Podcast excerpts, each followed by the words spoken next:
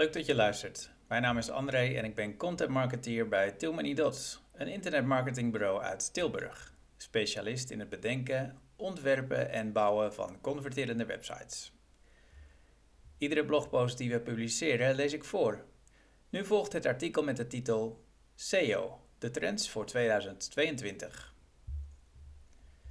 De manier waarop mensen online naar informatie zoeken evolueert. Zelfs de apparaten die ze daarvoor gebruiken veranderen. Google speelt daarop in en maakt de transitie van zoekmachine naar persoonlijk assistent. Al die ontwikkelingen zorgen ervoor dat zoekmachine-optimalisatie, afgekort SEO, nooit stilstaat. In dit artikel bekijken we de belangrijkste SEO-trends voor 2022. Door in die trends mee te gaan, zorg je ervoor dat jouw site relevante bezoekers gaat of blijft ontvangen. Lang niet alle bedrijven en instellingen zitten bovenop deze ontwikkelingen. De kans is dan ook groot dat je één of meerdere concurrenten het nakijken geeft door je SEO-focus naar 2022 te verleggen. Paginasnelheid. Laadsnelheid en latency waren altijd al belangrijk, maar werden nog eens extra onder de aandacht gebracht door de Google Page Experience Update afgelopen zomer. Die update van de zoekmachine was vooral gericht op de mobielvriendelijkheid van websites. Wat dat te maken heeft met de laadsnelheid? Met mobiel internet bereik je lang niet de verbindingssnelheden die kantoormedewerkers met een glasvezelnetwerk halen. Een website op mobiel laat dus per definitie trager. Hoe snel een pagina op mobiel laat is en blijft een essentiële rankingfactor. Blijf je laadsnelheid dan ook monitoren en optimaliseren. Je kunt bijvoorbeeld ieder kwartaal een test draaien en eventuele verbeteringen doorvoeren. Uiteraard kun je dit ook uitbesteden aan een bekwaam internetbureau. Mobielvriendelijkheid. Paginasnelheid is slechts één van de factoren die een site mobielvriendelijk maakt. Je wilt het complete pakket aan mobielvriendelijkheid bieden. Het mobiele internetgebruik blijft immers stijgen. Afhankelijk van het onderwerp kruipen sommige websites al naar 70% van al hun websitebezoekers. Wat een site mobielvriendelijk maakt?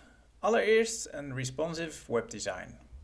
Als jullie al klant van Too Many Dots zijn, hebben jullie al zo'n site die zich automatisch aan de schermgrootte aanpast?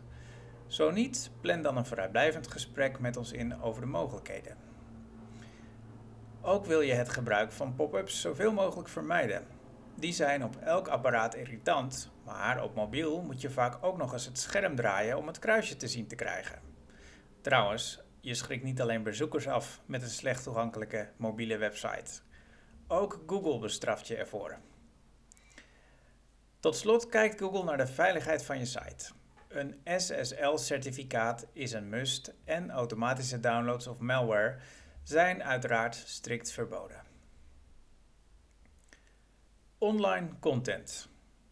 Nieuwe content publiceren blijft belangrijk, maar net zo belangrijk is het updaten van eerdere content. Als het om een kleine update gaat, kun je bovenaan de pagina of blogpost een kadertje plaatsen met de update status. Gaat het om een complete verbouwing van je content, inclusief up-to-date informatie, dan kun je de publicatiedatum eventueel aanpassen. Maar wees ervan bewust dat dat vooral een cosmetische ingreep is. Google ziet zelf heel goed wanneer content wordt vernieuwd. Longform content van pakweg 2000 tot 3000 woorden scoort beduidend beter in de zoekresultaten. Natuurlijk kun je niet over elk thema zoveel woorden schrijven en moet je het vooral niet forceren. Maar als je een onderwerp vindt waar veel over te vertellen valt, is dat je kans om je expertise te tonen. Maak hierbij niet alleen gebruik van tekst, maar houd rekening met andere contentvoorkeuren. Met afbeeldingen, video's, infographics en PDF-downloads zorg je ervoor dat zoveel mogelijk mensen uit jouw doelgroep de informatie kunnen absorberen. Externe content.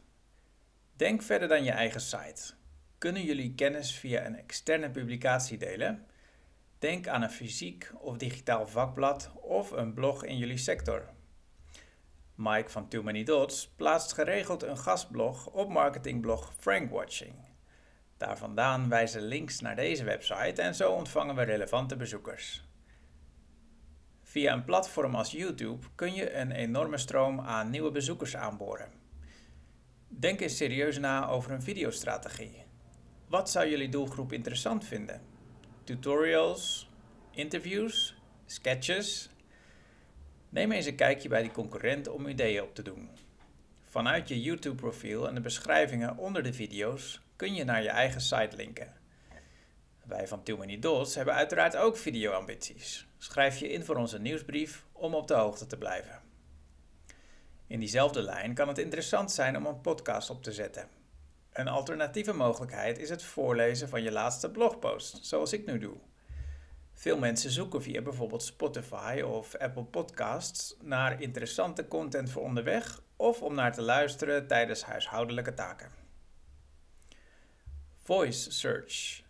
Een interessante nieuwe ontwikkeling die dit jaar is ingezet en die in 2022 ongetwijfeld doorgaat, is die van Voice Search.